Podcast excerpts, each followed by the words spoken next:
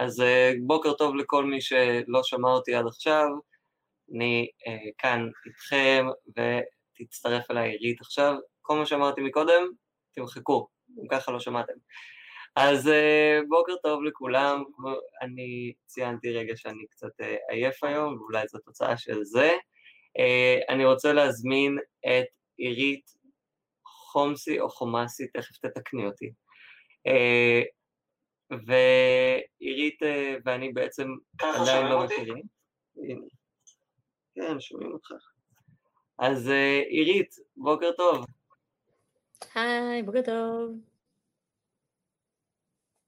מה נשמע? מצוין, אני מנסה לסדר את זה שהמצלמה לא תצא יותר מדי ימינה או שמאלה, עכשיו בסדר. כן, זה it's a wiggle room לגמרי. צריך לנסות להתרגל לזה. מה שלומך? מצוין, איך הבוקר שלך? הבוקר שלי uh, התחיל, מתחיל עכשיו מוקדם וילך uh, וישתפר. הקפה פה, אני לא יודע אם הקפה שלך שם, אבל כן או לא לחיים, הציפורים מצייצות היום. אני לא אדם של קפה. אז אני... דיברתי מקודם ואמרתי שאני קצת עייף היום אחרי הרבה מאוד שיחות אתמול, ובדרך לעוד הרבה שיחות היום, אבל הכל טוב וממש לחיוב. בואי תספרי לי, מי את עירית? וואי, אה, אני לא רגילה ששואלים אותי את זה, אני רגילה להיות בצד שלך, אתה בטח שמת לב. אה, אני אה, סוג של יזמית חברתית בעולם של מוביליות תעסוקתית, וזה מה שאני עוסקת בו די בצורה אינטנסיבית בשנה וחצי האחרונות, אפילו קצת יותר. אז יש פה ככה כמה מילים שאנחנו נלך ונפרק, אבל בואי נתחיל בשאלה של איך הכרנו, והאמת ששלחת לי כמה פוסטים, שמסתבר שהיינו באותם מקומות, באותם אירועים, מרגיש לי שגם את מקבוצת הגוגל קמפוס אז בימים, הסדנה לידע ציבורי, אז בואי תספרי לי ככה עלייך, ואם היה לנו את המפגשים שם בדרך הזה, גם על האירועים האלה. תמיד הייתי אדם יחסית פעיל, זאת אומרת, אני מסוג האנשים שכשיש לי הזדמנות, אני אוהבת לעשות משהו, אז נגיד בגיל קטן, זה יכול היה לארגן מסיבות הפתעה לחברות. זאת אומרת, אני מדברת על גיל 14, 15, זה, זה נטייה, יש אנשים שיש להם נטייה לזה ויש אנשים שפחות. זה אחד הדברים שמאוד אהבתי, זאת אומרת, להרים דברים, להרים מפגשים, להרים פיקניקים, להרים טיולים.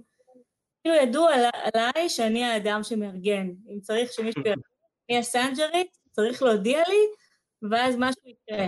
אני הייתי יכולה לשלוח 30 אס.אם.אסים uh, בסוף שבוע אחד, ומחמישי בערב עד שבת בבוקר או שבת בצהריים כבר היו מגיעים uh, עשרות אנשים לפיקניק, וגם הייתה תקופה שאפילו ארגנתי טיולים. זה היה לפני הרבה זמן, כן, אבל המקסימום אני חושבת שהיינו שיירה של 40 רכבים.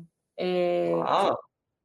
כן, זה נקרא קומונת uh, מטיילי ליסינג, משהו כזה, כי כולם היו רכבי חברה, דלק על חשבון מזמן, זה לא התקופה של עכשיו, וכן, זה היה הטיול המקסימלי, אני חושבת שזה היו מעל עשרה טיולים שארגנתי, אבל אני כבר לא, לא זוכרת את כולם, אבל זה היה נורא כיף, כי זה להכיר אנשים חדשים בארץ, מגניב כזה.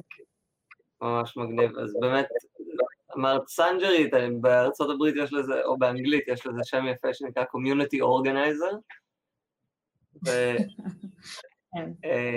נשמע שאת כזאת, והיום את בעצם מובילה קהילה, כי ראינו שיש, כל החבר'ה האלה שאנחנו תמיד היינו היחצנים, מפיקים, אני הייתי יחצן של הפסק זמן כשהייתי קטן.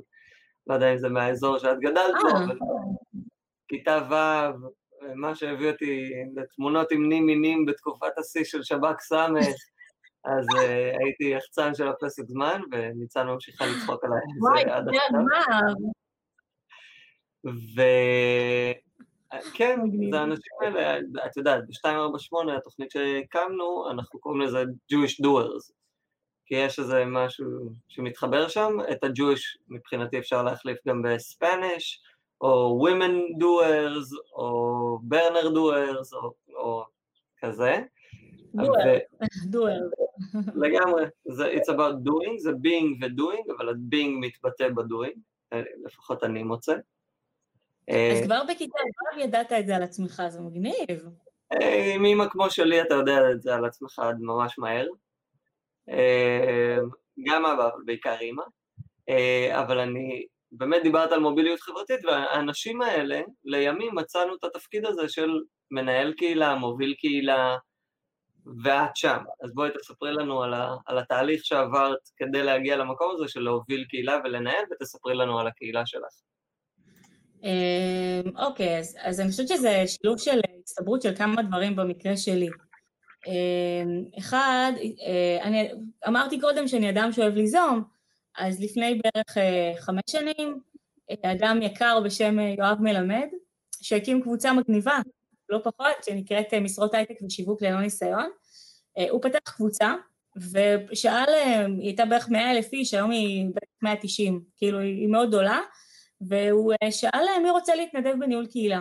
והוא ממש כאילו, הוא עשה מבחנים ולא נתן לכל אחד להצטרף וזה, ואמרתי לעצמי, הנה משהו שלא יצא לי להתנסות בו, יאללה ננסה. זה היה לפני חמש שנים, זה היה ממש מזמן, וניסיתי, והייתי אה, תקופה של בערך שנה וחצי אה, סגנית מנהל. עכשיו, כשאתה נכנס לקבוצה כזאת, נגיד קבוצה של מאה אלף איש, אז בתור סגנית מנהל הרגשתי נורא אחראית על כל מיני דברים שקורים. אז אם היה נגיד מישהו שהיה כותב שאלה ואף אחד לא היה עונה לו, ניסיתי למצוא פתרונות יצירתיים לאיך אפשר למצוא לו תשובות.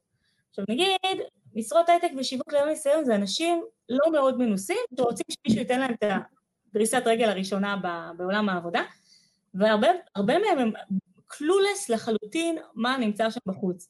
אז היו שואלים שאלות כמו מה זה UX, ומה זה SEO, ומה זה BI. עכשיו במקרה הייתי אז UX, הייתי אה, לפני זה BI, והכרתי SEO כי עבדתי בהייטק, והרבה אנשים שעבדו, עבדתי באמדוקס, בפלייטק, בחברות גדולות, ידעתי מה זה SEO, זאת אומרת זה משהו שככה מי שעובד בהייטק מכיר קצת את התפקידים השונים.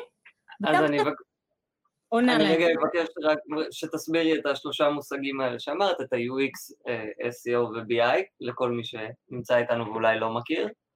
כן, אז uh, אני למדתי מערכות מידע, עבדתי ב-BI, זה מה שנקרא בינה מלאכותית, זה אומר שבעצם הייתי מפיקה דוחות, והדוחות היו אמורים לשמש את מקבלי ההחלטות בחברה לאיך להתנהל נכון יותר, במקרה שלי זה היה לפזר את הכספים נכון יותר, על בסיס איזה מדינות רכשו איזה משחק, עבדתי בחברת גיימינג לדוגמה. באמדוקס עשיתי uh, אה, CRM, גם מערכות מידע, אה, UX זה משהו שעבדתי בו גם... שנייה, BI, Business Intelligence, באמת לת... לספק מידע כל הגרפים היפים האלה והכל, יש כל מיני תוכנות, אם זה טבלו, אם זה כל מיני תוכנות אחרות, Power BI. במקרה שלי אורקל. אה, אמרת CRM, Client Management אה, Relationship. כן, נכון. שזה בעצם מערכות לניהול, אה, מערכות יחסים עם לקוחות. נכון. מתי דיברתי איתם, איך הייתה השיחה, כל מיני תיעוד כדי לדעת מה הלקוח חווה מהצד של הביזנס. כל מה שבעצם המוקדי, המוקדני שירות עונים ומקלידים על מחשב, אז זה המחשב שהמוקדן שירות שהוא עונה לך לטלפון, זה מה שהוא... תבקשו מהם לשים הערות ב-CRM, זה ממשיך לכל החיים. אז אם יש משהו שחשוב שיהיה רשום, להגיד להם, תרשום את זה אצלך במערכת. נכון. ואמרת גם, אמרת גם UX, שזה נכון. user experience, חוויית משתמש, ואמרנו SEO, שזה... נכון.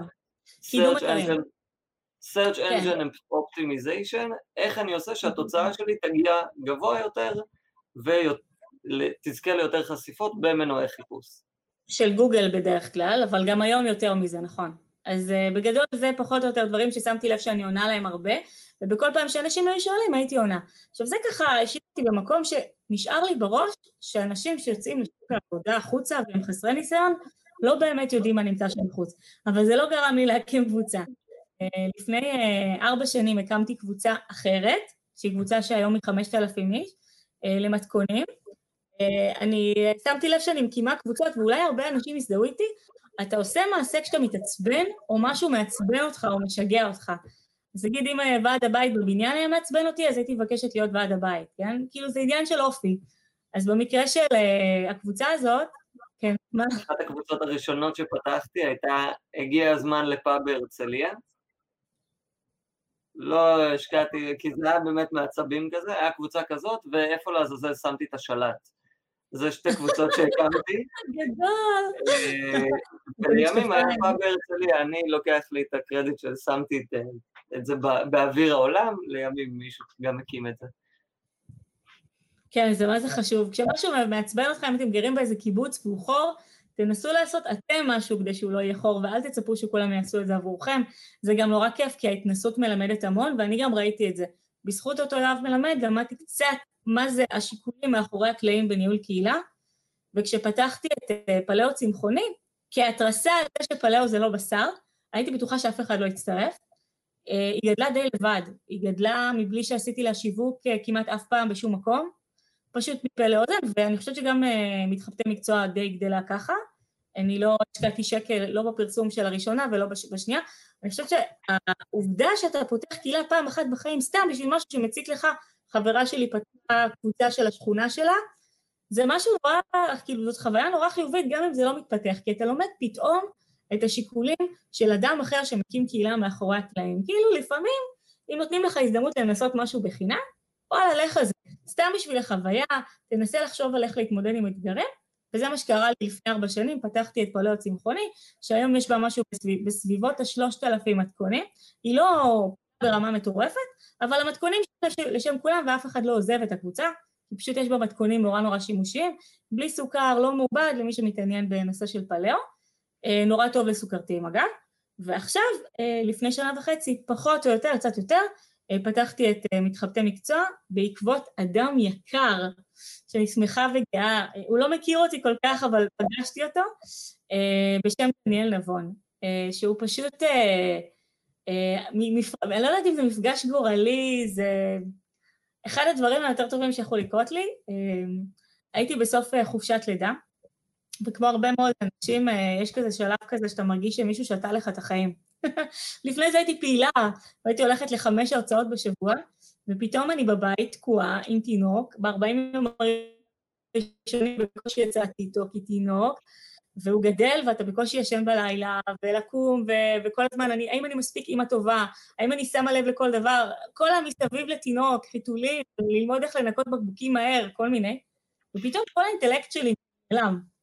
אין הרצאות שאני הולכת אליהן, אין אנשים שאני עושה איתם mingling, אין לי פתאום חיים, ואני מתחילה לקטר לבן זוג שלי, תקשיב, אין לי חיים, אין לי חיים, נמאס לי, אני מרגישה שאני מכונה, איבדתי צלם אנוש, איפה האינטלקט, איפה...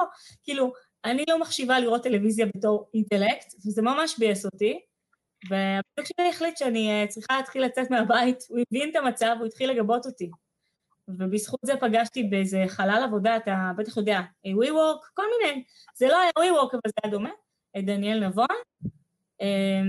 דניאל נבון כן. דניאל נבון הקים עמותה, לא הקים, שקוראים לה טספצ'ין, אתה מכיר לאונל? טספצ'ין? נעלמת לי? אתה שם? פתאום אני לא רואה אותך. אה, אוקיי, אז אה, יצא לך לשמוע על עמותת טספצ'ין? פתאום לא שומעים אותך. אוקיי, בכל מקרה, עמותת אה, זאת עמותה, טספצ'ין זה באמהרית, תקווה, וזאת עמותה שנותנת אה, אה, לצעירים אתיופים בגילי תיכון איזשהו בוסט לכיוון זה שהם יתגייסו לצבא, ובעצם מונעת את הנשירה שלהם, וזו עמותה שפעילה ביבנה. אתה שומע אותי, נכון? אתה יכול לסמן לי איכשהו כזה? כן, אני שומע אותך, פשוט השליח שהיה אמור להגיע ב-12 התקשר שהוא מגיע עכשיו, אז הייתי צריך להגיד לא, לא. אוקיי. אז אז בקיצור, אה, הוא סיפר לי שיש כמות גדולה מאוד של אה, צעירים ממוצא אתיופי שלא עושים צבא באזור יבנה. בגלל שהמשפחות שלהם קצת יום והם פשוט נקרעים בין הרצון לעשות צבא לבין הרצון לעזור למשפחה, שמן הסתם במקרים האלה המשפחה לוקח והם לא רוצים שהמצב ייגרר לחובות נוראיים והם מוותרים על לעשות שירות, שבעיניי זה מאוד מאוד עצוב כי זה קצת מנשיר אותם ממעמד הביניים ומנשיר אותם מהמיינסטרים ומהתלם. אני לא אומרת שלעשות צבא זה הדבר הכי חשוב בעולם, כל אחד אה, איך שהוא רואה את זה ולתפיסתו, אבל אני כן חושבת שאם זה קורה מהמניעים של בלי כסף, אז זה לא מניעים בוא נגיד שמקדמים אותם יותר מדי, וזה גם קצת משאיר אותם בצד הלא פריבילגי של העולם, של החיים, של ישראל, של החברה. אה, וכשהוא סיפר לי את זה, שאלתי איך הם פותרים את זה, והוא סיפר שהם שולחים אותם לקורס מדריכי כושר, בתנאי שהם חותמים, יש בזה משהו מאוד יפה, הם יעשו בצבא מדסים, הם יכולים לעבוד בערב, אימונים אישיים, לעשות את הכסף, יש פה משהו מאוד נחמד, והתפתחה שיחה, אה, שעה וחצי שיחה, משהו כזה, שיחה ארוכה. ובסוף השיחה שאלתי אותו, תגיד, מה קורה איתם אחרי צבא? כאילו, אוקיי, נגיד אתה לוקח צעיר אתיופי, אבל אחד ממש גאון, תותח, מוציא מאיות כל הזמן, ילד פופולרי, מקובל, אהוב, כאילו, ילד כל אבא רוצה. ממוצא אתיופי ביבנה. אה, מה הסיכוי שהוא יכול לדעת מה הוא עושה עם עצמו אחר כך? כי הרי אם הוא בא לאבא שלו, סביר להניח שאבא ממוצא אתיופי ביבנה לא יכול ממש לתת uh, תשובות לילד. Uh, מה, זאת אומרת, נגיד הילד שלו, אבא, מה זה SEO? מה זה BI? מה זה UX? כל מיני מקצועות שהוא שמע את השם שלהם, אבא לא יכול לענות, כי אבא לא יודע שום דבר. מבחינת אבא שהוא אה, גדל ביבנה ולא עובד בהייטק, אה, סביר מאוד להניח שנגיד כל המילה הייטק זה מקצוע אחד מחשבים. למדת מחשבים אתה בהייטק? לא למדת מחשבים, לא בהייטק. ליאונל, אתה יודע שזה לא מדויק, והיום בחברות הייטק עובדים ערב רב של מקצועות. אני עבדתי בחברות כאלה וראיתי אנשים שהגיעו ממקצועות שונים מבחינת לימודים, וממש לא רק מחשבים. החוסר ידע הזה, יש בו משהו מאוד עצוב, כי זה בעצם גורם לזה שאנשים כאלה הרבה פעמים חוסמים את עצמם. הם אומרים הייטק זה לא בשבילי, הם בעצם אומרים מחשבים זה לא בשבילי, לא הייתי טוב במחשב, במתמטיקה בתיכון, מחשבים צריך מתמטיקה, אני לא יכול... והם הם, הם בעצם שמים מחסומים של עצמם, מחסומים של פחדים. אה, ואני זוכרת שבשיחה איתו אמרתי לעצמי כזה, רגע, אז כאילו, אם הם רוצים מידע, אין להם לאן ללכת. אה, אין להם מי לשאול. זה לא שאבא יכול לדפוק לשכנים, סביר להניח שהשכנים בבניין של אותם הורים אתיופים לא עובדים בהייטק, כי זה לא בניין של אנשים שאין להם כסף, זאת אומרת, זה בדרך כלל הולך ביחד, כאילו, אנשים שיש להם כסף לא גרים עם אנשים שעובדים בהייטק, כשיש להם כסף זה בדרך כלל לא מתערבב. אז אני אה, באמת, אני רוצה להתייחס לכמה דברים שאמרת. אחת, אני רוצה להרשות לעצמי לעשות איזה תיקון, זה לא רק יבנה ואוכלוסיות כאלה, אה, גם לצורך העניין, ניצן לא ידע שאפשר לעשות כסף מאומנות, כי מי מכיר מקצוע שנקרא איסוף גרפי? כאילו, נכון. מה זה, איפה זה, איך זה, למה זה, אבל אה, כישרון מגיל שלוש, ואתה באמת לפעמים רק צריך שמישהו יגיד לך, אבל אפשר. עכשיו, אני גם מאוד מתחבר לדברים שאת אומרת, ו... אז אני חושב שגם באוכלוסיות שאני בא מהן, נגיד להורים שלי יש מה שנקרא מועדון הגדול. מועדון של הרבה חברים שלהם, הם עושים אה, בערבי שישי אחת לחודש, מסיבות או הרצאות או דברים כאלה, בדרך כלל מגיע איזה מרצה ואז מסיבה. Uh, כן, יש, ככה זה כשאתה מתקרב לפנסיה ויש נכדים והכול, אפשר גם ליהנות מהחיים בדרך. שווה, לפנסיה. והיה אה, איזה רגע שהם רצו שאני אבוא ואנסה להסביר להם כאילו על מה לעזאזל הילדים שלהם מדברים. כשפתאום ההוא באמת עושה, הוא משהו בהייטק, הוא באיזה סטארט-אפ, הוא במייקרוסופט, הוא ב... היא ב... אבל מה זה? אין להם מושג. עכשיו, אני חושב שפעם אחת באמת הכל נראה אותו דבר כשאנחנו יושבים מאחורי הלפטופ שלנו, בן אדם אחד יכתוב את המניפסט הפוליטי שעוד ישנה את העולם, ומישהי תעצב את האתר האישי שלה ותהפוך להיות הגורו של כולנו לענייני הכל, את תפתחי קבוצה לפלאו צמחונים ותשברי תפיסות של אנשים בראש שפלאו זה רק כאילו כל היום בשר.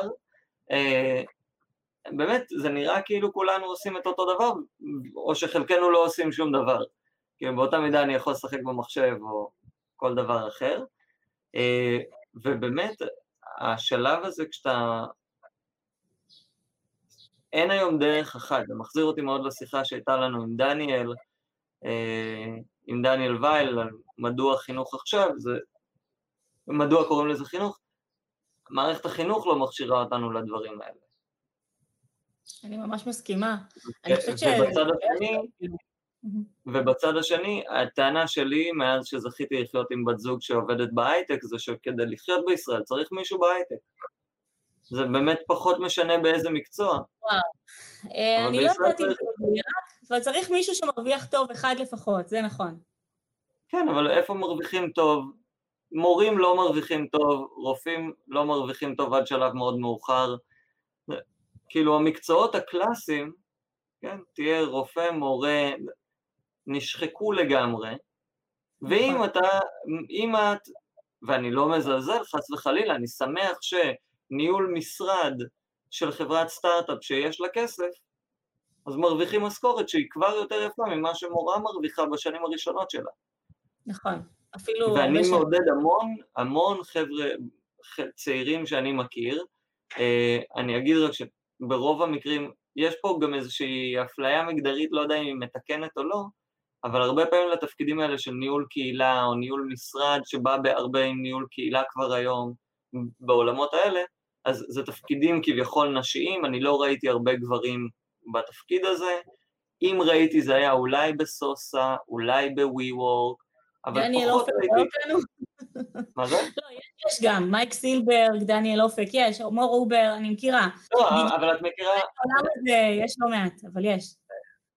אה, יותר נשים, יותר נשים, זה נכון. שלי, וגם כשאני ניסיתי להתקבל לתפקידים כאלה, אז קיבלו נשים, ואני מברך על זה.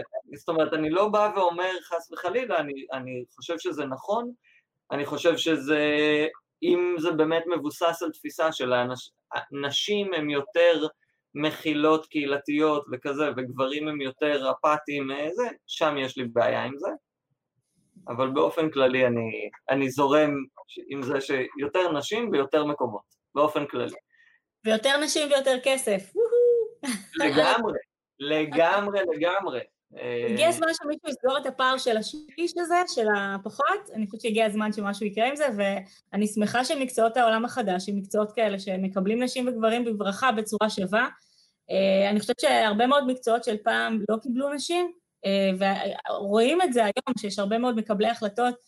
אה, לפני כמה ימים היה את הפרסום הזה של המל"ל, שאולי הייתה מוכנה לתת לנשים להיכנס לוועדה, אולי מתישהו בהזדמנות, יכתבו לנו ונדבר על זה מתישהו, כן?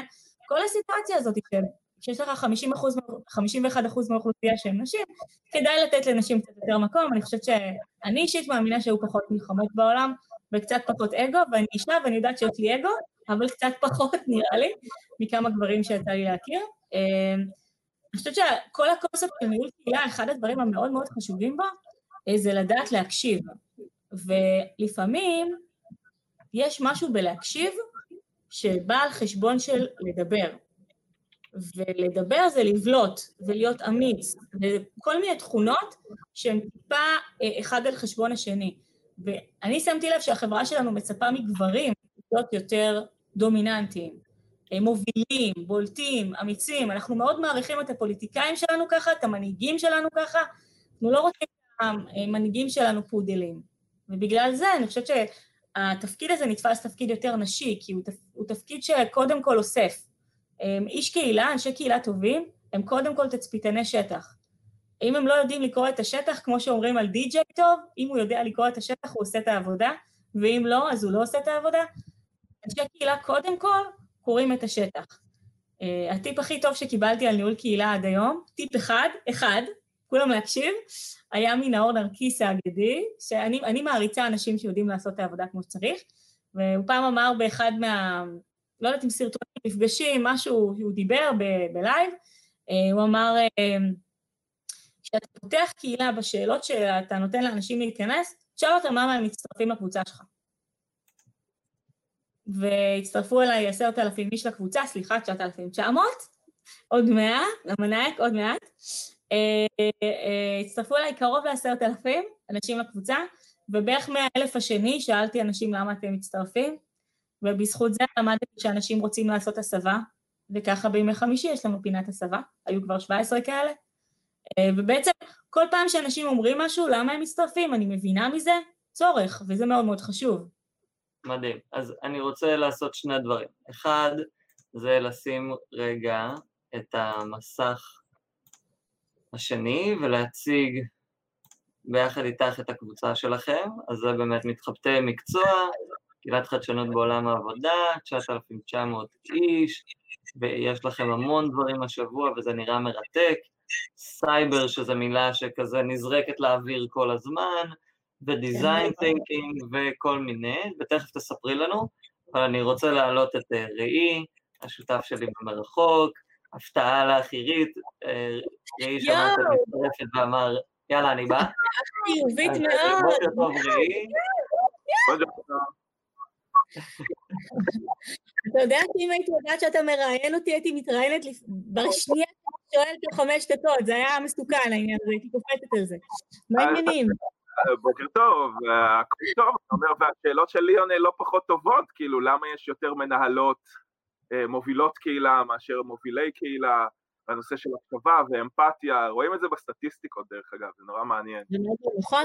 אגב, אמפתיה, יום חמישי בשעה שבע, אני עושה פרסומת, בתוכניה שלנו, כל מי שרוצה לדעת למה, זה מיומנות עתיד.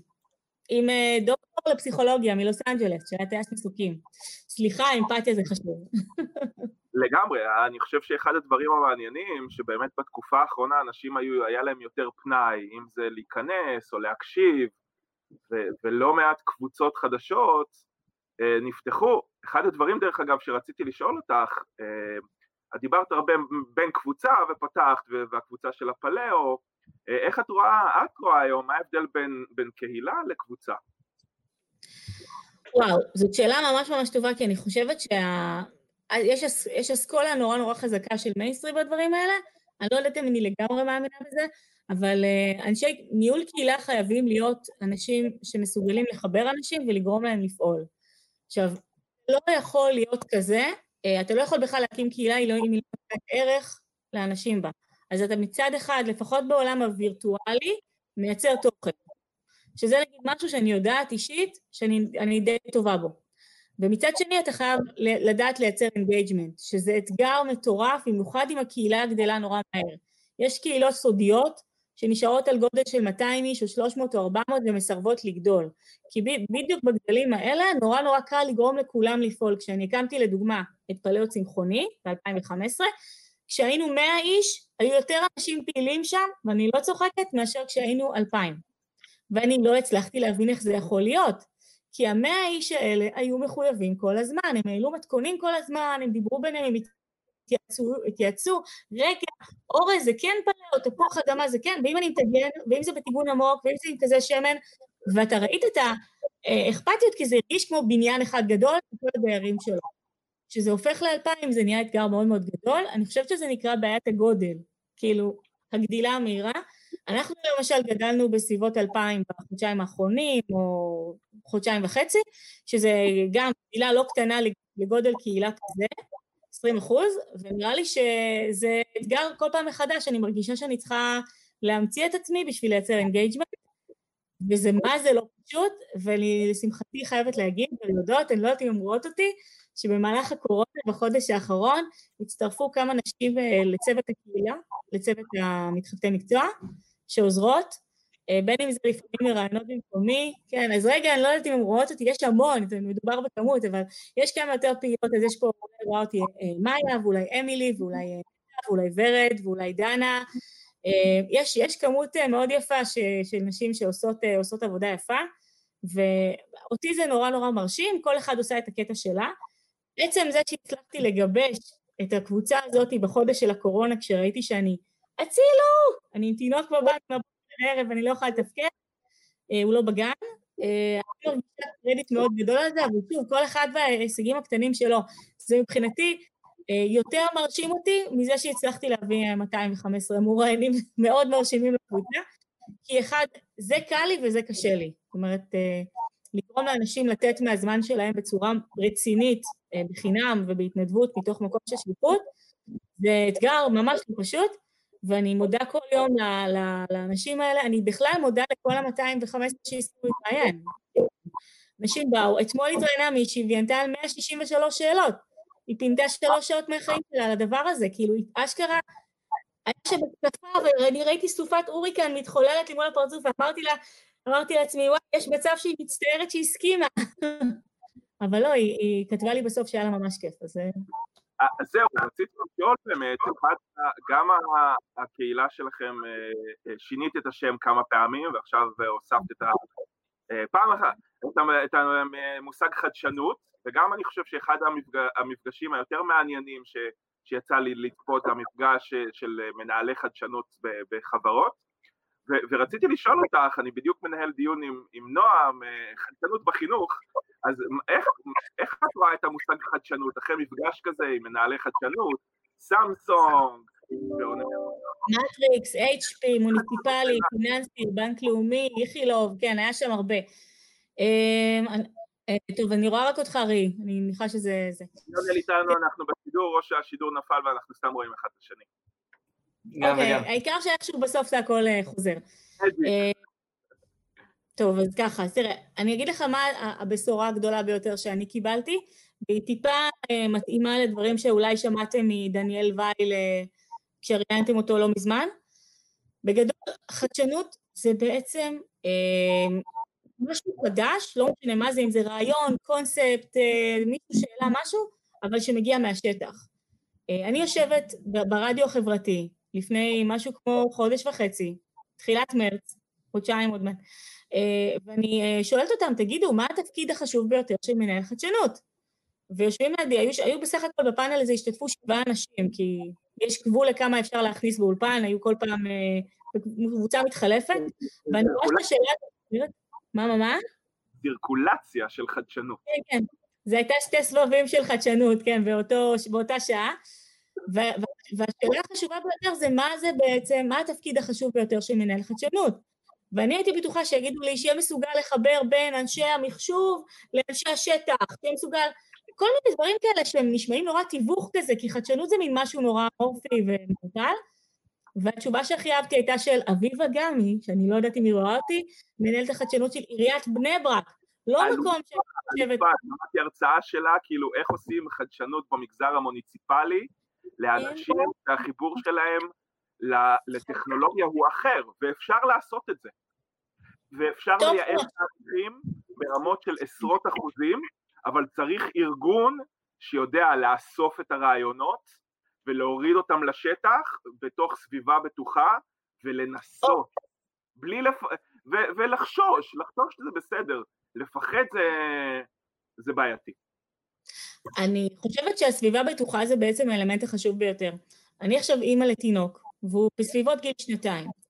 וישבתי וחשבתי עם עצמי הרבה מאוד, מה אני עושה כדי שילד יתפתח. ונכון שילד זה לא להרים, להרים, אה, להרים או למנף ארגון, בסדר? אני ממנפת תינוק. אבל עדיין, אני רוצה לדעת מה הדבר שיכול לעזור לו הכי הרבה להתפתח. הנה, עכשיו פתחתי קבוצה, הוא יודע 215 מקצועות, הוא לא יודע לקרוא והוא לא יודע לדבר, אבל נגיד. Uh, בתור קונספט, מה שאני הצלחתי להבין מכל העניין הזה של למנף משהו, זה סביבה ארגונית מאפשרת. שזה אומר, בבית שלי, הילד יכול ללכלך את השולחן, ואני אנקי אחריו, ואני לא אעשה לו פרצוף שזה לא בסדר. עכשיו, מה זה סביבה ארגונית מאפשרת, אוקיי? כשהוא אוכל, אם אני רוצה שהוא ילמד להשתמש במזלג, אני מלא פעמים אראה לו איך משתמשים במזלג, וזה יהיה לגמרי בסדר אם הוא ישתמש עקום ולא בסדר, עד שעם הזמן הוא ילמד לעשות את זה. אם אנחנו כל כך טולרנטים לתינוקות שלנו, ואני בטוחה שאני לא האמא הכי נחמדה בעולם ויש עוד כאלה, למה אנחנו לא נחמדים כל כך לעובדים שלנו? למה אנחנו לא נותנים להם לעשות טעויות לפעמים כי הם מבוגרים? הרי אם אנחנו ניתן להם לעשות טעויות, מתוך טעויות יכולות לצמוח דברים ממש יפים. אומרים שחברת הסטיקרים הראשונה בארץ, בעולם, הסטיקרים האלה שאנחנו היום על כל מיני לוחות, אה, נוצרה מטעות, חברת אה, דבקים. 3M. נכון, 3M. חברת דבקים שפיתחה כל הזמן את הדבק המרוכז יותר והחזק יותר, וזה בדרך כלל היה מפותח לתעשייה, פתאום פיתחה דבק אה, כתוצאה מאיזושהי טעות, שהיה בה איזשהו רעיון, והדבק היה מאוד מאוד חלש. וניסו לחשוב מה אפשר לעשות עם הדבר הזה, ופתאום זה נורא התאים למשהו אחר לחלוטין. והקונספט הוא גם אם זה טעות, וגם אם זה לא, וגם אם זה סתם מתוך קריאייטיב, כשנותנים לאנשים אוויר, כשנותנים לאנשים לחשוב, כשנותנים לאנשים לטעות, אה, אה, דברים טובים יוצאים. מי שלא יודע, למשל חברת מאנדיי יצאה מתוך חברת וויקס. חברת מאנדיי בפני עצמה היא חברה שעושה המון כסף, אני לא יודעת אם היא עקפה את וויקס או לא כבר, אה, מרוב שזה כמויות, אלה מתחרות שם אחת בשנייה, אבל הדברים האלה מגיעים מתוך קריאייטיב. הבעיה היא, והיא בעיה שהייתה קיימת הרבה מאוד שנים, שמקומות עבודה לא סומכים על העובדים שלהם, הם מפחדים, הם שמים להם שעוני נוכחות, הם מפחדים שהם יעשו אביוז לזה שהם יעבדו מהבית, ואנחנו רואים שהיום כולם עובדים מהבית, במקומות עבודה יכלו לחסוך הרבה מאוד כסף. אני, אני, לא יודע, אני לא יודע אם הם מפחדים מהעובדים שלהם, אני חושב שהמנהלים מפחדים על התפקידים שלהם. אני חושב שהפחד לא נובע מלמעלה, לא מלמטה, ובאמת, אה, יש לי תהייה לגבי אה, קהילות, קהילת חדשנות בעולם העבודה, ואיפה ההגדרה של עולם העבודה, כי את מדברת פה על עולם עבודה שהוא מאוד ארגוני, מאוד מוסדי, אנחנו רואים שכן אנשים יוצאים יותר לפרילנס, ולצערי נכון. בתקופה הזאת אנחנו רואים שאנשים יוצאים לזה מרצ... מרצון במצ... במקרה הטוב, או מאילוץ במקרה הרע. ואנחנו רואים שכשאנשים הולכים למקומות האלה של, של אני אעשה מה שטוב לי ויחפש את... זה מקומות אחד מאוד קשים, אז נרשמים לכל הקבוצות בפייסבוק, לקהילת מתחבטי מקצוע, ולקאמגיה, ולקהילת אנשי, אנשי העולם, וזה וזה וזה וזה. קליקרס, כן. זה מאוד מבלבל, ובאמת קשה להשתתף, וגם בארגונים האלה, הכביכול מבוזרים, כביכול חדשים, יש היררכיות, ומה פתאום יבוא מישהו חדש וייקח מקום של מישהו ותיק, ו... ולפעמים אתה אפילו לא יודע, כי זה הכל קורה מאחורי מקלדות, אז אתה לא יודע אם נכון. דרכת על משהו, ואנחנו משקיעים כל כך הרבה זמן בהאם ניסחתי את הפוסט נכון, והגבתי לאי בהוא שזה... רגע, רגע, זה נגמר, לא, לא, לא הזכרת איגודי עובדים, אה, הסכמים קיבוציים, ועדים, רגולציות, אה, השתלמויות אה, מקצועיות, אה, גמול אה, פנסיות, מאוד מאוד חשוב דרך אגב, פנסיות. נכון, אה, מאוד מאוד חשוב. השליחים של... אני, אני רוצה את ההתייחסות של, של עירית לעניין הזה, כאילו איפה אוקיי. מתחיל ואיפה נגמר עולם העבודה, אוקיי. אז אני, אני, אני רוצה להגיד את האני מאמין שלי, והאני מאמין שלי הוא שלי, שזה אומר שלא בהכרח אף אחד מהאנשים שמקשיבים לי חייב להסכים איתי, ואני לא איזה, גם אם הייתי אגב מישהו כזה, יובל נוח הררי או דוד פסיג או משהו כזה, זה עדיין לא אומר שכולם חייבים להסכים איתי, כן? אבל זה האני מאמין שלי. האני מאמין שלי הוא שעולם העבודה הוא בעצם לא באמת עולם העבודה. עולם העבודה הוא בעצם עולם של אנשים, שבמקרה גם עובדים, כי הם חייבים לעבוד כדי להתפרנס. אבל קודם כל הוא עולם של אנשים. ואתה בעצם יצור חי בעולם, שאם אתה בא, אה, הוציאו אותך לאוויר העולם ודאגו לך כל החיים כדי שתגיע יום אחד למקום הזה של עצמאות, בדרך כלל אחרי צבא, למרות שקבוצת הדור החדש אה, תוכיח אחרת, מאיר קובה, אם הוא רואה אותנו. עכשיו, הקונספט הוא כזה, אם אתה יודע מי אתה ומה אתה, זה יעזור לך מאוד בעולם. אם אתה לא יודע מי אתה ומה אתה, יהיה לך קשה, לא משנה מה אתה עושה. אנשים שמנסים, לדוגמה, אתה בא ואומר, בסך הכל עולם העבודה ועדים ופנסיות וזה, מי שמנסה ללכת רק על כסף, ימצא את עצמו תמיד בינוני. וכשאתה תמיד בינוני, אתה הולך רק על כסף, שום דבר אחר לא מעניין אותך, אתה לא שואל את עצמך מי אתה ומה הפשן שלך אפילו פעם אחת. כשאתה בינוני בחברה, כשיהיו קשיים ופיטורים ודברים כאלה, אתה לא תהיה מאלה שיהיה חשוב נורא להשאיר אותם. בעצם המשימה שלנו בחיים, כמו שאני רואה אותה, זה לנסות עם עצמנו לברר מה החוזקות שלנו. עכשיו זה משהו, זהו תהליך שאיכשהו המון אנשים בגיל 20 מדלגים עליו. אני זוכרת את עצמי, הולכת בגיל 20, זה היה באמת אה, לפני הרבה זמן, אני אהיה שישה בלט, אה, הולכת בגיל 20 למכון, אה, נראה לי אדם מילו, יש מצב, לא יודעת, אה, הדסה, מכון הדסה ב- בירושלים. אני משלמת סכומי עתק בשביל שהערימה של פסיכולוגים ינסו אה, להסביר לי מה כדאי לעשות בחיים, כי עד לאותו רגע, לי היה ברור שכל החיים מסודרים, אתה עושה תיכון, אתה עושה שירות, אתה יוצא מזה, חלק עושים טיול, חלק לא, והופ, עכשיו שמישהו יגיד לי מה לעשות. למה הייתי במקום הזה? כי כל החיים כל הזמן אמרו לי, מסדרים אותך, מסדרים לך את החיים, הנה, יש לך עוד חוליה ועוד חוליה ועוד חוליה. וברגע שגורמים לך להאמין שהחיים מתנהלים ככה, אתה הופך להיות פסיבי לגבי לנהל את החיים שלך. אנשים, אנחנו הטייסים של החיים שלנו. אם אנחנו נבין שאנחנו הטייסים של החיים שלנו, ואני לא איזה רוחניקית ולא שום דבר, פשוט לתפוס את עצמך בידיים ולהתחיל להגיד, אני לא יודע מי אני, בוא נתחיל לעשות דברים. ניקח דף, נתחיל לצייר. כיף לי? נמשיך לצייר. לא כיף לי? נעזוב את זה. ניקח קצת, נתחיל לעשות ספורט. אה, עירית, אני, אני מאוד מסכים עם מה שאת אומרת, אבל אני בכוונה רוצה להקשות רגע.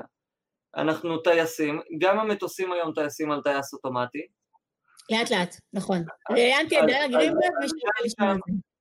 אז גם להשתמש במטאפורה של טייס, היא כבר, אנחנו רואים כמו המקס, המטוס שנפל, כי נותנים יותר שליטה ל- BI ולאנליטיקס ולטייס האוטומטי מאשר לאדם. האמת שחידשת לי, נפל מטוס אה, כתוצאה מעבודה של אה, אוטומטי? זאת אומרת, כן, מרדת המ- המטוס החדש של, של בואינג, שקרקעו את כל הצי החדש, מה שקרה שם זה שבעצם המערכות אה, קיבלו, אה, אה, לא היה לטייס איך לעשות override למערכת, ולכן המטוס הייתה שם איזו תקלה והוא פשוט אחרי ההמראה צנח לתוך הקרקע.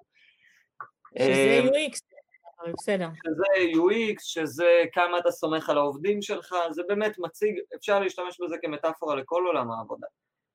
נכון. הדור שלנו, דור, ה, אני אגיד, כנראה דור המפוטרים עכשיו, כן, זה אנחנו והמבוגרים יותר. בואו בוא לא נשכח, פוטרו מכל השכבות, זה משהו מאוד... לכן אני אומר, האנשים שפוטרו עכשיו, הדור הבא שהזכרת, האחיינים שלי קמים כל בוקר עכשיו ללמידה מרחוק, ורואים אותי בשידור. ומדברים עם אלכסה או סירי. להם, העולם החדש הוא basically, אנחנו שומעים feedback loop. רגע, מה זה? אתה אה, רואה? סליחה, פתחתי רגע חלון. אז אנחנו... אז האחיינים שלי כבר באים לעולם, או הדור הבא גם מקבל כל מיני כבר את, ה, את אותם הרצאות שאת מעבירה לאנשים שעכשיו צריכים להביא כסף הביתה, כי יש כבר ילדים, או, או כי ההורים כבר לא אחראים על הילדים, או כי הם כבר הורים להורים. כן. הדור הבא יגיע לעולם עבודה אחר, זהו, הייתה קורונה. לא יגידו לאנשים כבר, אי אפשר לעבוד מרחוק. אתמול דיברתי עם מישהי, והיא אומרת לי, אה, שהיא שאלה אותי איפה המשרד שלנו, אנחנו מחפשים אנשים טכנולוגיה, והיא שואלת איפה המשרד, ואמרתי לה באינטרנט, והיא אמרה, אה, זה פחות רלוונטי. שזה הפתיע אותי, כי אנשים עדיין מחפשים את המשרד, אני מבין גם למה, אבל... מסורת. אה, מסורת, רצון לצאת מהבית למשהו, אחלה, אני מאוד שמח שאין לי משרד שהייתי צריך לשלם עליו בתקופה הזאת. אני אוהב את המשקפיים שלך, ראי. עכשיו קראתי. רגע, זה מחובר בשפם? אוי, זה גדול. סליחה, כן, כן. אמ, ו... אז השאלה אתה אומר בעצם שהדור הבא בעצם הוא דור שנולד למציאות חדשה. ובגלל ש... הוא נולד למציאות חדשה, והעניין הזה של עבודה, מבחינתי, העולם שאנחנו נחיה בו, ולכן היה לי חשוב להיות אתמול בשיחה עם דור מנהיגים של הדור, קוראים לנו גם הדור הבא בעולם היהודי, כי המנהיגות שלנו היא בת 40-60, וכל הזמן מדברים על דור המנהיגות הבא, למרות שבגיל 14 כבר הייתי בתוכניות מנהיגות כדי להיות דור המנהיגות הבא, היום בגיל 32-33 אני בא ואומר, אני לא הדור הבא, אני הדור הנוכחי, אתם פשוט חוסמים אותי מלהיכנס למקומות, לנקודות מפתח, ולכן היה לי חשוב לצאת מהארגונים ולספק לכולם שירותים שהם צריכים, כי הבנתי שכל הארגונים צריכים את זה, ואמרתי שם בקבוצה הזאת, בואו נתחיל להתעסק בנושאים שמעניינים ורלוונטיים לדור שלנו. הפורום הזה שהשתתפתי בשיחה שלו אתמול, נקרא Israel Policy Forum, והוקם על ידי יצחק רבין לגייס את התמיכה האמריקאית לנושא של הסכם אוסלו והסכם חתימה עם הפלסטינים. היום, בתקופה שבה אני באתי ואמרתי, פתרון שתי המדינות הוא, לא, הוא בעיה של הדור שלי, באתי חברים לסכסוך הזה גם, גם בצד הזה וגם בצד השני, אבל זה לא הבעיה שהדור שלנו יפתור. הדור שלנו צריך להתחיל להתעסק בבעיות הגלובליות. כדור הארץ שאנחנו מכאיבים לו מאוד, Universal Basic Income, שלדעתי לשם אנחנו הולכים ולזה אני רוצה להתחבר. בעולם okay. אוקיי. כזה, שבו mm-hmm. יש מי שעובד בחברת הייטק ומקבל משכורות ככה, קח בוכטה, זה לא משנה, לא קח בוכטה בסוף כל חודש, אבל זה בוכטה, ובעולמות אחרים שאתה חייב להתאמץ ולהיות אריה ולוויה כדי להביא את מה שתצליח להביא, כן, וראי ואני לא יכול... בתור יזמים, וזיהינו את ההזדמנות והכל אחרי הרבה מאוד שנים שאנחנו בתחום ומתעסקים בכל מיני, הנה, וגם פה רואים את הפער בין עמותות שאומרות לך, אבל אין לי, ואני לא יכול, לבין ארגונים שבאים ומנסים להשיג a better deal, אבל יש להם, ורגילים לשלם על עבודה, איפה האנשים שלך מתחברים לדבר הזה? יש לי שני דברים להגיד, האמת שלושה, אני מנסה לזכור את כל מה שאתה אומר בבת אחת, אני אנסה. אה, אחד, רק לגבי עמותות הערה קטנה, זה הראשון. אה, אני ראיינתי בקבוצה שלי אדם יקר מאוד בשם עופר פלין. אני מאמינה מאוד בגישה שבה עמותות אמור, אמורות למצוא את הדרך לייצר רווח. במשך הרבה מאוד שנים עמותות היו נסמכות ונתמכות בלבד על כספי תרומות. יש משהו לא נכון בזה שזאת הדרך היחידה שהן פועלות, יש משהו נכון יותר ולאפשר להם למצוא את הדרך לייצר רווח מבלי להפסיק להם את התמיכה, כן?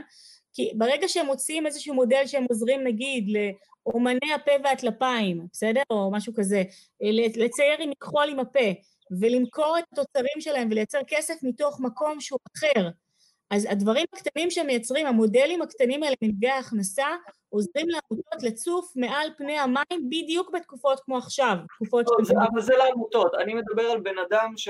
יודעת מה, מישהו שעבד בעולם הבוכטות, לא משנה, עורך דין שהתקדם, כן, סבל את החמש, שש, שבע שנים כדי להגיע למשכורת סבבה בעולם עריכת הדין, בא ואומר, מפ... די, אני לא יכול יותר לשרת את אנשי הבוכטות, אני חייב לעשות משהו בשביל הנשמה, ואני אעשה, אני טוב בניהול, אני טוב במה שאני לא טוב אני יודע ללמוד מהיוטיוב כזה, שאגב, המשפט הזה, זה, היה, זה המשפט שהכי חשוב לי לשמוע מאנשים שאני מגייס. מסכימה, נכון. בין, מסכימה המתמחה הכי טובה שהייתה לי עד היום, ראיינתי אותה בזום, לפני שזום היה כל כך אה, נפוץ, וברגע שהיא אמרה לי, שאלתי אותה, את יודעת לערוך אודיו, וידאו? היא אמרה, לא, אבל אני אלמד מהיוטיוב. באותה שנייה היה לי ברור שאני לוקח אותה, והיא עד היום המתמחה הכי טובה, היו לי עוד מתמחות טובות, היה לי אחד נוראי, אבל המתמחים שאומרים לי, אני אלמד מהאינטרנט מה שתגיד לי, זה האנשים שאני לוקח. אז אותו, אה, אותה אשת בוכטות, שבאה לעבור למשהו עם פאשן, איפה, איפה זה מתחבר? כאילו, איך, איך אפשר להמשיך לעבוד משהו? אה, אתה, מתכוון, אתה מתכוון איך אפשר לעבוד במשהו שהוא לא הייטק? זה בעצם השאלה? אני רוצה להבין את ה... כן, הייטק או לשאוף להגיע לניהול, כי, במס... כי בתפקידים האחרים אתה כל הזמן תסבול מפוליטיקה ארגונית, אגו ומשכורת נמוכה, ואתה תשחק שם מהר מאוד. ו... ויבוא מישהו שיחליף אותך, זאת אומרת, נראה לי שבתוך ה-9,900 איש בקבוצת מתחבטי המקצוע, ואולי פה האמת שיש איזה טילט, כי את עוזרת לאנשים שמחפשים את המקצוע או להבין מה הם, ולא רק מחפשים את העבודה. אין לנו משרות בכלל, נכון. אז, אז תספרי לי עוד על זה, על ה... הבנתי, או אני שואל או כזה, אבל כן, כסף, כסף צריך בשביל לעשות את הדברים. תראה, הקבוצה שלי היא לא מדברת בעולמות של כסף, לא בגלל שכסף זה לא דבר חשוב, היא מדברת בעולמות של חסמים תודעתיים. אני מאמינה אה, שיש אנשים בארץ הזאת שהולכים ברחוב כמוני וכמוך וכמו כל אחד מאיתנו והם בטוחים שהם יעשו, יכולים לעשות כל דבר שהם רוצים אם הם ממש יתאמצו והם פשוט יודעים שהם יהיו טובים בזה. אנשים שהולכים לסיטואציה כזאת, שהם פשוט יודעים אני יכול ללמוד כל דבר שייתנו לי. הם יכולים להיות בני 17 והם יכולים להיות בני 25 או 48, זה לא באמת משנה. הקונספט הוא התודעה. אני אישית מאמינה שיש אנשים שחסומים. החסום זה עוד הרבה לפני הכסף. ברגע שאתה חסום, גם כשיציעו לך משהו שתרוויח בו הרבה מאוד כסף, נגיד אתה מרוויח היום שבע, ויציעו לך משהו שמרוויחים בו 12, ו-12 זה הרבה יותר משבע. בגלל שאתה חסום, אם זה בלי משרד, אם זה לא מסורתי, אם זה נשמע לך איכשהו לא בטוח, אתה בטוח לא תלך על זה, אבל אתה לא, לא תלך על זה בגלל שאין שם כסף. אתה לא תלך על זה בגלל ה mind שלך, בגלל מי שאתה. אני מהאנשים שמאמינים שאחת הדרכים הנכונות ביותר להתנהל נכון בעולם הזה זה להתחיל לייצר לעצמך כמה שיותר אפשרויות אפילו במקביל לעבודה שלך. אנחנו נמצאים בתקופה שמתחילה בה הרבה יותר להיות מודעת, הגיג אקונומי, מה שנקרא כלכלת חלטורה. אנחנו מסתכלים, נמצאים בתקופה שבה יש פרויקטים כמו Outside שמדברים על עבודה היברידית מטעם הממשלה. אנחנו נמצאים בתקופה של כלכלה שיתופית שבה אנשים מייצרים לעצמם הכנסה מכלום, ויש אנשים שעושים כסף לא מהייטק. הדרך היחידה להגיע למקום הנכון עבורך היא להתחיל למצוא קודם כל מי אתה. אני במקום של תודעה, בקבוצה שלי אין משרות, אבל מה יש בה כן? יש בה את הדרך לצאת מהחסמים שלנו. החסמים שלנו, אנחנו האחראים העיקריים לזה. אולי קצת הסביבה, אמא ואבא, שאומרים לנו, רק עובד מדינה זה טוב, רק שמה זה ביטחון. אין היום קביעות בשום דבר, לא יישאר קביעות בעוד עשרים שנה כמעט בשום דבר. הקביעות הבאה אחר בהייטק בחוץ, ביטחון הוא ביטחון. הדבר היחיד שבטוח זה שיש לך את עצמך. וככל שאתה תהיה אדם משודרג יותר, תגיע למקום טוב יותר. אבל זה לא מספיק. ראיינתי, אני, אני, אני הורסת לראי, אז אני סליחה שאני עושה לך את זה, אבל אני רוצה לספר משהו קטן. לפני בערך עשרה ימים ראיינתי אדם יקר בשם מורד שטרן. אחד האנשים שאני אישית ממש מעריכה ומעריצה את הדרך שלו. מורד שטרן עשה משהו מאוד מעניין, אני רואה שראי מהנהן בהסכמה. הוא עשה משהו מאוד מעניין. מורד עשה את מה שאני ממליצה לכל אחד לעשות. הוא מצא קודם כל מה הוא אוהב לעשות. והוא גילה שהוא אוהב לעשות פודקאסט, והוא אוהב לעשות בלוגים, אבל הוא גילה את זה לפני בערך עשר שנים. ולפני עשר שנים לעשות פודקאסט, תשאל את רן לוי מעושים היסטוריה, לא משהו שהניב הרבה מאוד כסף. רן לוי רק מ-2016 הפך להיות רשמית במה שהוא עושה היום במשרה מלאה, כי הוא למד בטכניון. עכשיו הקונספט הוא כזה, מורד שטרן עשה בלוגים ועשה פודקאסטים, התחיל לאט לאט להתפתח. אם, פה אה, מתפצלת הדרך לשתיים, למתג את עצמך ולא למתג את עצמך. אם מורד שטרן היה סתם נשאר בתחביב שלו, הוא לא היה מגיע למה שהוא היום.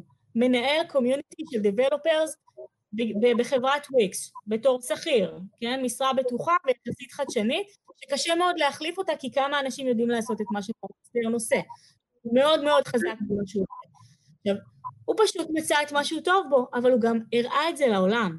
אני למשל, מצאתי שאני טובה בלראיין. יכולתי לראיין ולהשאיר את הקבוצה סגורה. השארתי את הקבוצה סגורה חצי שנה, מ-0 גדלנו ל-500. ברגע שהתחלתי להראות לעולם שאני יודעת לראיין, התחלתי להראות לעולם שאני יודעת לשאול שאלות, הקבוצה גדלה מחודש מאי שנה שעברה לשנה הזאת, מ-500 ל-10,000, פי 20. אבל היא הייתה קבוצה סגורה בחצי שנה היא בקושי גדלה. הקונספט הוא למצוא משהו שאתה טוב בו, ולהראות לעולם שאתה טוב בו. לתת לאנשים כדי שעוד אנשים ידעו שאתה טוב בזה, ויעזרו בערך של מה שאתה יודע לעשות. האם לעשות את זה כאן, הנה, אני מנקה, אני עובדת בתור מנקה בסופר, אני אעזוב את העבודה שלי ואני אתחיל לעשות בלוגים? לא בהכרח. אף אחד לא אמר שהעולם הוא שחור ולבן. ממתי שהקמתי את הקבוצה שלי, למדתי משהו אחד על עולם העבודה. זה כמו מים, זה פלואידי, זה נוזל. אתה יכול להיות פה ופה באותו זמן. אתה יכול לפתח משהו בבית בשעות הערב, בזמן שאתה עובד בתור קופאית בסופר. כל עוד אתה יודע שאתה מתכנן את הנתיב שלך קדימה ועובד בצורה אסטרטגית ומוציא לאט לאט את היכולות שלך לעולם, אם תעשה את זה כל הזמן בצורה עקבית ותהיה יותר טוב ויותר טוב ויותר טוב בדברים שאתה אוהב, מי שצריך למצוא אותך, ימצא אותך. במקרה של מורד סטרן, לפני חמש שנים חברת HP מצאה אותו. אבל אם הוא לא היה מוציא החוצה, תחשבו על זה ביחד איתי, אם הוא לא היה מוציא את האהבה שלו לעולם, הוא סתם היה עושה בלוגים להנאתו, אבל לא מפרסם אותם, ולא כותב אותם בכל מיני מקומות, ולא מייצר קבוצת טלגרם, וקבוצת וואטסאפ, וקבוצת וקבוצת, כמה באמת חברות כמו HP היו יכולים, HP היא חברה רצינית, היו יכולים למצוא את מורד שטרן, או חברת וויקס, לקחת אותו מחברת HP. הקונספט הוא... אבל, אבל זה בדיוק...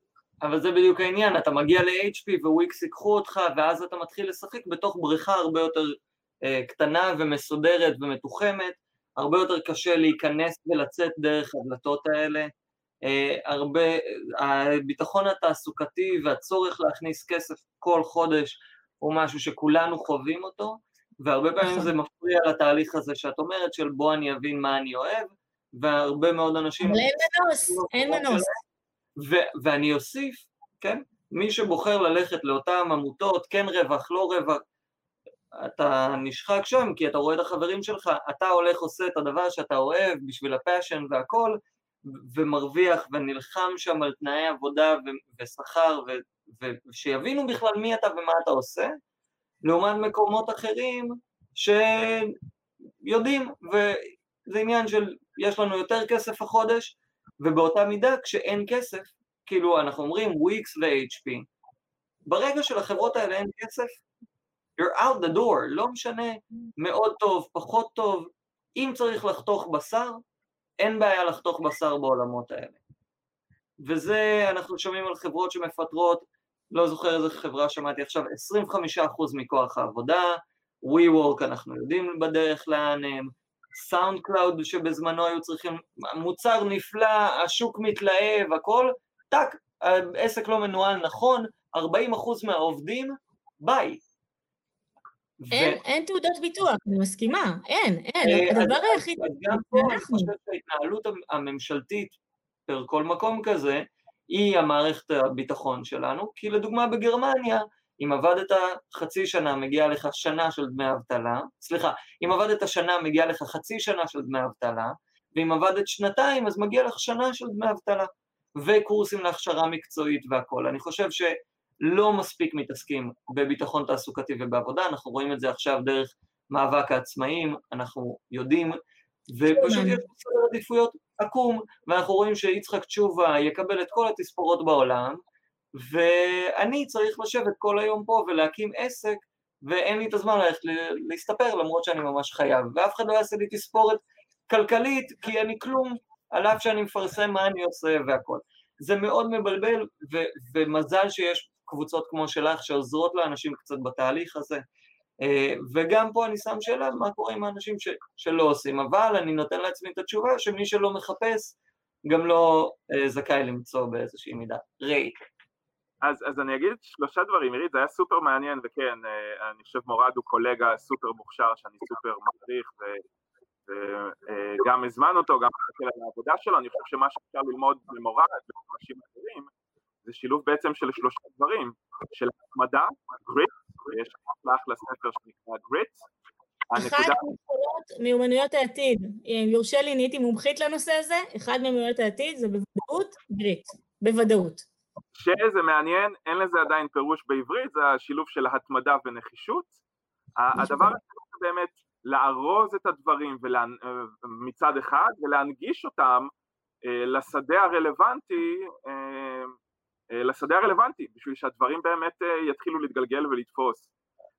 אנחנו עוד פעם צריכים לסיים, אז אני אשאל שאלה אחת ואחרי זה ישיר ירד לעשות טלפונים ולישיבת צוות, ליונל, אנחנו צריכים לעבוד היום ותגיד לי, יש לי מכונת תספורת, אני אביא לך. רציתי לשאול אותך, בתור מישהי שנמצאת כזה איפשהו לפעמים עם העוף ציפור, אה, שוק התעסוקה כבר התחיל להשתנות. אני חושב שאחד הדברים שאני הבנתי בשיחה הזאת, והוא נורא מעניין, את בעצם משחררת תעסוקתית אנשים. זאת אומרת, את גורמת להם להשתחרר ולהבין, היי, אני יכול להיות גם קוסם, או אני יכול להיות גם אה, איש IT, או אני יכול, לא חשבתי אה, שהמשרה הזאת אה, בדיוק תפורה עליי, אבל אולי אני יכול לעשות, כאילו. אז את משחררת תעסוקתית, זה מקצוע של אנשי הדור החדש, כי העולם החדש, אני עדיין לא הבנתי אם זה הקורונה או אחרי הקורונה. הנקודה השנייה שרציתי לשאול זה, עולם התעסוקה השתנה, כבר לפני הקורונה, כן. אם אנחנו מדברים שזה עולם שקשור על קשרים בין אנשים, היום כשאת פותחת משרה טובה, את מקבלת עשרות ומאות אפליקיישן. אה, איך את רואה את השינוי הזה, ועוד, הקורונה עשתה עוד דיגיטציה, זום עלו בפי 10 מ-200 מ-20 מיליון משתמשים ל-200 מיליון, לאן את רואה את עולם התעסוקה הולך? מצד אחד זהו באמת, זה קשר, אה, ארגונים מבוססי אמון וקשרים של אנשים, מצד שני זה כאילו בואנה, הולכים להיות מלא מחפשי תעסוקה, תפתחו משרה טובה, מלא אנשים יפלו עליך, איך זה הולך לעבוד? מה, מה את רואה את המגמות? תראה, אני, אני לא חיה את העולם של הגיוס. ובגלל שאני לא חיה את העולם של הגיוס, אני לא יכולה לבוא לדבר על אה, אחוזים. אבל אני כן יודעת פחות או יותר מגמות וטרנדים, כי אני חיה את העולם של העבודה, ומדברת המון המון עם אנשים, גם יועצות קריירה שעושות אצלי פינה קבועה בחינם, וגם כל מיני אנשים שמדברים על עולם העבודה לאן. ראיינתי אה, בסביבות 20 או 25 טרנדולוגיות, או אנשים שהם אה, חוזי עתידים, רועי סזנה, אתה, נראה לי אתה ראית. דוקטור רועי צזנה, שהוא חוקר עתידי, מתראיין אה, ממש בשבועיים האחרונים. בגדול, כן קיבלתי איזשהו מושג, אני יכולה להגיד כזה דבר. זה די דומה למה שאמרתי קודם. אחוז מסוים המשרות שמוצעות כל הזמן לא יוצאות החוץ.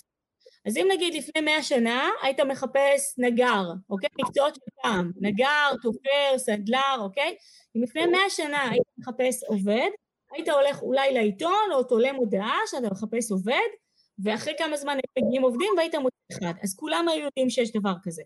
עם הזמן, יותר ויותר מקרים עברו לחבר מביא חבר. מה זה בעצם חבר לביא חבר? לפני שהחברה מוציאה את המשרה החוצה, היא מבקשת מעובדי החברה, וזה אומר שיכול להיות שהמשרות האלה כמעט אף פעם לא מפורסמות החוצה. אז נגיד מתוך המאה אחוז אני זורקת מספר, 40 אחוז או 50 אחוז לא יוצאים החוצה, אוקיי?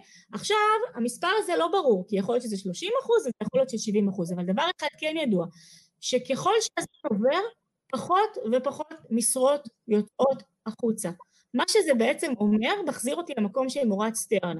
אם העולם יודע לדעת במה אתה טוב, אם אתה, יש לך ייחודיות, העולם ימצא אותך. זה טיפה עצוב, כי זה כמו לשבת בבר, אישה שמחכה שהגבר יתחיל איתה, ולא יכולה להתחיל בעצמה. אתה לא, אתה גם יכול לפנות בצורה יזומה, יזומה למעסיקים, אבל הקונספט הוא שאם אתה נמצא בבר ואתה לא לובש את החצאית הטובה שלך ומסתרק בצורה שמושכת את ה... את ה מחזר הפוטנציאלי שהוא במקרה הזה המעסיק, סביר מאוד להניח שהוא לא ידע שאתה נמצא שם, לא כי אתה לא טוב בזה או כי אתה לא מתאים לו. והרבה מאוד פעמים הבעיה היא שיותר ויותר משרות לא יוצאות החוצה. יש קהילות סודיות של משרות שלא מוציאות את המשרות החוצה, אני שמעתי על דבר כזה לאחרונה, אני לא אגיד שמות, יש כאן כאלה שמכירים את זה, יש יותר ויותר משרות שבעצם המעסיק פונה לאנשים בצורה ישירה. אני, אני אגיד את זה אפילו חד משמעית, בקבוצה שלי כשאני מראיינת אנשים, אני מראיינת אדם אחד פר תחום. אז אם ראיינתי פסיכותרפיסטית, אני לא מראיינת עוד פסיכותרפיסטית, כי אני רוצה שיהיה מעניין בקבוצה. אז יש לי אחד בתחום. איך האנשים האלה מרואיינים? אני פונה אליהם. אז נכון שזה לא ראיין עבודה, אבל גם מעסיקים לפעמים אומרים, רגע, אני צריך עכשיו אנשים שיעשו לנו סרטון וידאו והפקה. בואו נשאל בכמה מקומות מי מכיר אדם שטוב בזה. או, מורן טובה בזה. הנה, אני רואה דברים שלה, סבבה. לפעמים זה לא מפורסם כמשרה בכלל, וזה נהיה יותר ויותר ככה. עכשיו, מצד שני, המשרות המיוחדות גדלות. אם נגיד לפני חמש, שש, שבע שנים לא יכולנו לראות משרות כמו People Analytics בעולם, uh, Developer, uh, Developer uh, Relations, DevOps, DevOps לא היה כמעט עבודה בזה לפני חמש-שש שנים, זה היה ממש חדש. היום יש DevOps וזה משכורות ממש יפות. הקונספט הוא שאם אתה מצליח למצוא את המשרות שהן חדשות לחלוטין, ויש לנו בקבוצה 30 מקצועות עתיד, אוקיי? לחפש בנושאים פופולריים, אז זה משרות שבהן אין הרבה ניסיון לאנשים, כי הן משרות חדשות, הן משרות שרק נוצרו בעולם, שנה, שנתיים, שלוש, חמש, אפילו ניהול קהילה. אתה יכול למצוא אנשים בניהול קהילה עם ניסיון, אבל לפני שלוש שנים, כמה אנשים היו עם ניסיון בניהול קהילה? כמה אנשים הכירו את המקצוע הזה כמקצוע? הקונספט הוא שכשאתה רוצה להתחיל בעולם, אתה צריך לעבוד אסטרטגית. למצוא במה אתה טוב, ולהתחיל לחפש את האנשים שטובים בזה, להתחבר איתם, לעקוב אחריהם בלינקדאין, לעקוב אחרי מאמרים שלהם ולנסות להיות מייצר אה, ידע בעצמך. כשאתה עושה את זה, המעסיקים הנכונים בסוף ימצאו אותך. זה נכון שאתה צריך להסתובב בחוגים המסוימים האלה, אבל היום אף אחד לא עוצר את עצמך מלהתחבר לאנשים. בפייסבוק, בלינקדאין, תייצר איזה כתבה נחמדה ואנשים ירצו לענות לך. האנשים הנכונים יגיעו אליך. אנחנו בעולם החדש צריכים להיות הפיתיון. הדרך היחידה. עכשיו, זה לא אומר שאני צריכה לעזוב את העבודה שלי בתור קופאית, ליונל, אתה צודק, אם אני צריך כסף עכשיו, זה לא אומר, אבל הזכרתי קודם את אספצ'ין בתור הסיבה שהקבוצה שלי נוצרה. גם בעתיד, גם בעתיד, האוכלוסייה הפריבילגית נמצאת במקום. הילדים של מי שגר בצפון תל אביב יודעים יותר מהילדים של מי שגר בדימונה. הקבוצה שלי אמורה לתת מענה לזה. היא אמורה לתת לכולם מידע בצורה אחידה. שוב, זה הקונספט שלי, זה ככה שחפרתי קצת. זו שיחה מרתקת ואנחנו יכולים להמשיך כנראה עוד שעות, ואני אשמח שאנחנו נמשיך uh, בעוד הזדמנות, וכמובן ראי ואני נשמח לבוא להתארח בקבוצה אצלך ולדבר על uh, מקצועות מרחוק, או מה זה הדבר הזה שמרחוק, כי אנחנו בעצם ממציאים תחום, מקצוע, uh, אנחנו מגדירים את עצמנו כמפיקי אונליין, יש פה באמת משהו חדש שאנחנו עושים אותו מהבית שלנו, ואנחנו הרבה שנים חיפשנו, ולא בטוח שזה מה שחיפשנו, אבל זה מה שמצאנו. ואני חוזר בימים האחרונים על המשפט, you don't always get what you want, but if you try sometimes, שזה הגריט הזה, you might just find what you need. ואני בתחושה שאנחנו באמת מוצאים. כן, הצלחתם לעשות מודל עסקי מהדבר הזה? סתם, אני סקרנית כי כל דבר הוא בעיניי אופציה למקצוע, ומודל עסקי זאת התחלה.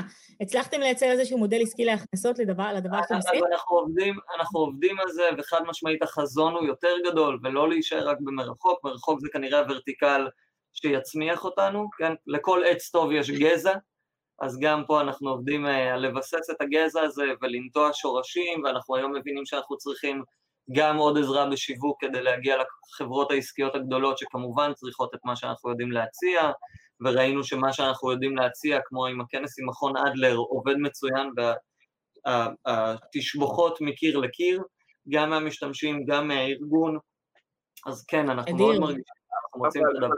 פשוט, אנשים צריכים... איך, איך? אני אומר, זה מאוד פשוט, אנשים עדיין צריכים כנס.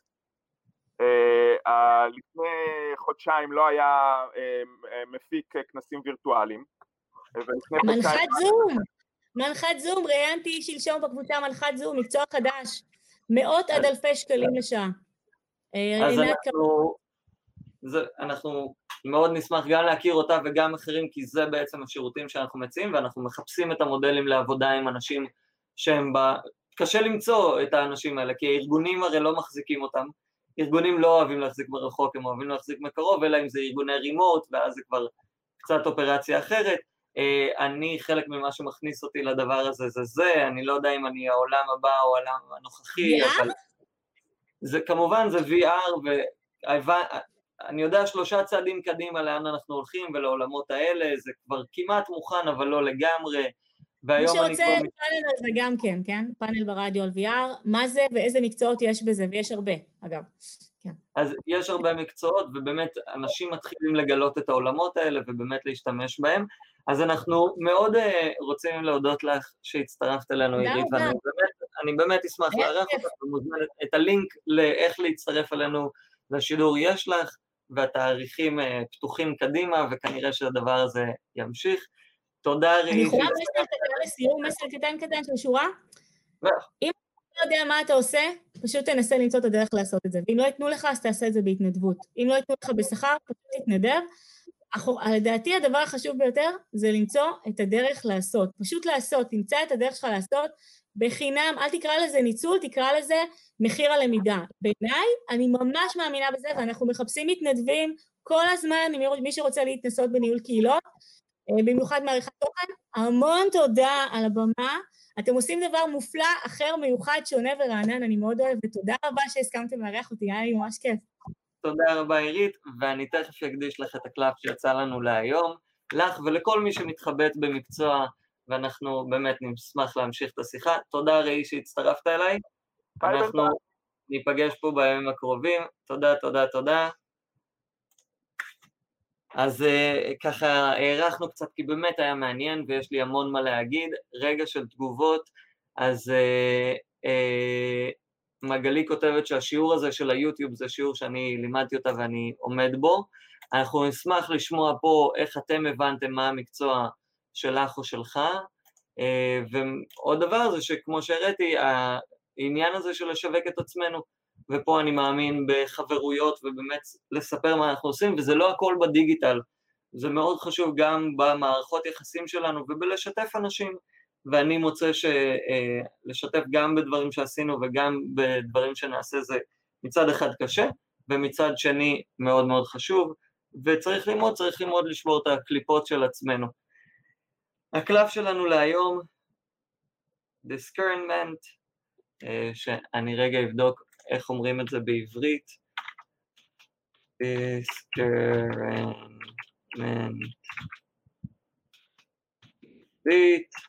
שואל את גוגל. אה, הבחנה, הבדלה, לדעת להבדיל בין האם הצפרדע הזה הוא הנסיך או לא, ולקחת לעצמנו את הרגע להבין את זה. אז איך מקבלים את הכוח של היום להבדלה, וזה מאוד מתאים למתחבטי מקצוע.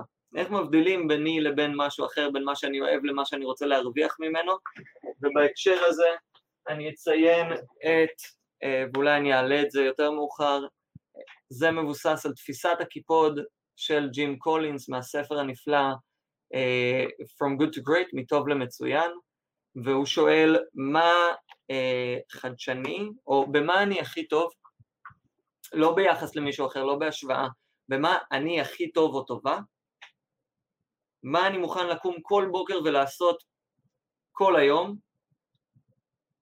ומה המנוע הכלכלי שלי. יכול להיות שאני אעבוד במשהו אחד, ואני הכי טוב במשהו אחר ומוכן לעשות את זה כל היום, ובואו נבין מה נמצא שם באמצע. אז הבדלה, הבחנה. Discernment, see the truth of the situation, use common sense, do not be fooled, pay attention, your intuition knows. תראו את האמת בסיטואציה, תשתמשו בהיגיון בריא, אל, תשת... אל תיתנו לעצמכם להתבלבל, don't be fooled, אל... שלא שום דבר ישתה בכם, לא כסף ולא מי האנשים האחרים שעושים את זה או איך הם עושים את זה. Pay attention, תנו הרבה תשומת לב, שימו תשומת לב, האינטואיציה שלכם יודעת. ועם זה אני מסיים את השידור להיום. תודה עירית, תודה ראי, תודה לכל מי שנמצא במתחבטי המקצוע ומנהל שם את השיחה, או בכל מקום אחר, כל מי שעזר למישהו אי פעם למצוא מה נכון להם. תודה רבה רבה רבה.